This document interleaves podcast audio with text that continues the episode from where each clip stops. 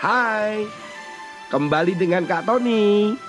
Kita akan membedah, membuka, belajar tentang kitab Amsal yang ditulis oleh Raja Salomo. Agar kita mendapatkan hikmat pengetahuan dalam menjalani kehidupan ini. Dibawakan oleh Kak Tony. Tuhan Yesus memberkati.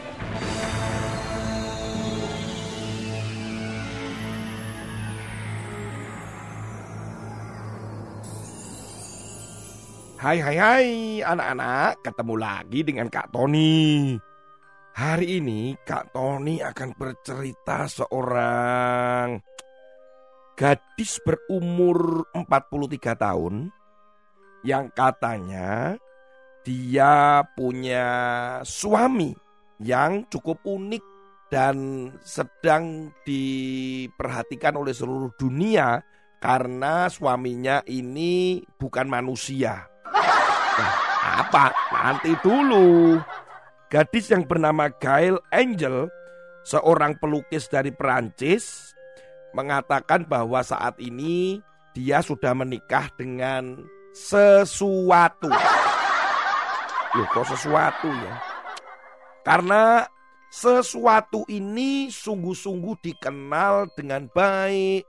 Bahkan dia punya fotonya, ada gambar di bantalnya, yang bantalnya itu juga sering dipeluk-peluk.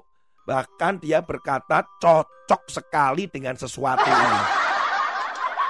Kalian pasti penasaran anak-anak, sesuatu itu apa kan begitu. Nah, sesuatu itu adalah roller coaster. Jadi, Gail ini dia mengatakan bahwa dia sudah punya suami dan dia menikah dengan roller coaster yang ada di Holiday Park, Haslock, Rhineland, Palatinate, Jerman.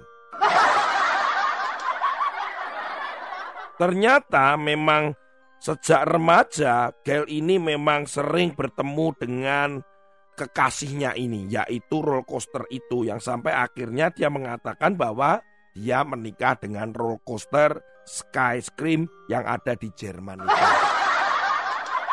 Padahal Gail ini pernah dia itu dekat dengan uh, lelaki lain, artinya calon suami. Sudah tiga kali dan tidak cocok katanya. Tapi menurut dia yang paling cocok ini dengan roller coaster. Kalian tahu apa itu roller coaster? Permainan yang dengan kereta bisa naik turun dan putar-putar itu loh. Wah Kak Tony aja pernah main aja. Waduh, sangat pusing tapi sangat menyenangkan sih. Tetapi kenapa roller coaster itu yang disebut Sky Scream besar sekali? Gail tidak bisa setiap hari pergi untuk bertemu dengan suaminya. Waduh, sehingga Gail sendiri akhirnya dia membuat foto, lukisan, semua kenang-kenangan yang bisa mengingatkan dia pada roller coaster Sky Scream. Katanya dia mengenal dekat gitu dan katanya sudah cocok. Yang lebih mengejutkan lagi, ternyata dia berkata bahwa dia sudah punya seorang eh kok seorang? Gail ini adalah istri dan si roller coaster Sky Scream ini suaminya. Katanya punya sesuatu aduh sulit gimana? Punya anak sesuatu gitulah. Katanya uh, si Gail ini punya anak gitu dan anaknya itu adalah se sebuah roller coaster juga dan lucu juga nih ya karena ini adalah miniatur roller coaster yang lain yang katanya ini adalah anaknya. Ah, aneh-aneh aja. Ingat-ingat tentang hal itu anak-anak. Kita ini mengenal siapa, kita ini mau dekat dengan siapa. Firman Tuhan katakan di dalam Amsal pasal 9 ayat yang ke-10. Permulaan hikmat adalah takut akan Tuhan dan mengenal yang maha kudus adalah pengertian. Kalian sudah pasti tahu tentang ayat ini dan mengerti bahwa takut akan Tuhan itu adalah permulaan hikmat. Jadi kalau kalian ingin anak-anak dan Kak Tony ini ingin mendapatkan hikmat maka harus takut akan Tuhan. Takut akan Tuhan itu adalah seperti apa? Bukan seperti dengan seperti dengan seperti dengan seperti dengan seperti kok bilang terus toh Kak Tony aduh seperti kalian takut dengan hantu atau takut dengan ketinggian bukan seperti itu. Takut akan Tuhan pernah kita bahas bahwa takut akan Tuhan itu adalah benci kejahatan. Takut akan Tuhan itu membenci kejahatan. Takut akan Tuhan juga kita menghormati Tuhan. Nah, Kak Tony bukan membahas takut akan Tuhan karena pernah kita bahas masalah ini. Tetapi tentang mengenal yang maha kudus. Nah, mengenal yang Maha Kudus di dalam ayat yang kita baca tadi di dalam Amsal tulisannya Y-nya besar, yang M-nya besar, Maha Kudus. Apa itu artinya? Itu adalah Allah. Jadi mengenal Allah, mengenal Tuhan, mengenal Yesus. Jangan seperti Gil yang mencoba mengenal dengan roller coaster. Nah, itu lebih bahaya sekali. Kita harus mengenal Tuhan, kita mengenal Yesus itu adalah pengertian. Karena dengan mengenal Yesus kita akan semakin kita mengerti akan firman Tuhan. Kita mengerti perkataannya, kita mengerti keinginannya, kita mengerti kehendaknya. Kalau kalian dekat dengan temanmu, mengenal dengan temanmu, kalian akan tahu dong apa yang dia suka, apa yang dia nggak suka, apa yang dia inginkan, apa yang dia takutkan. Betul kan?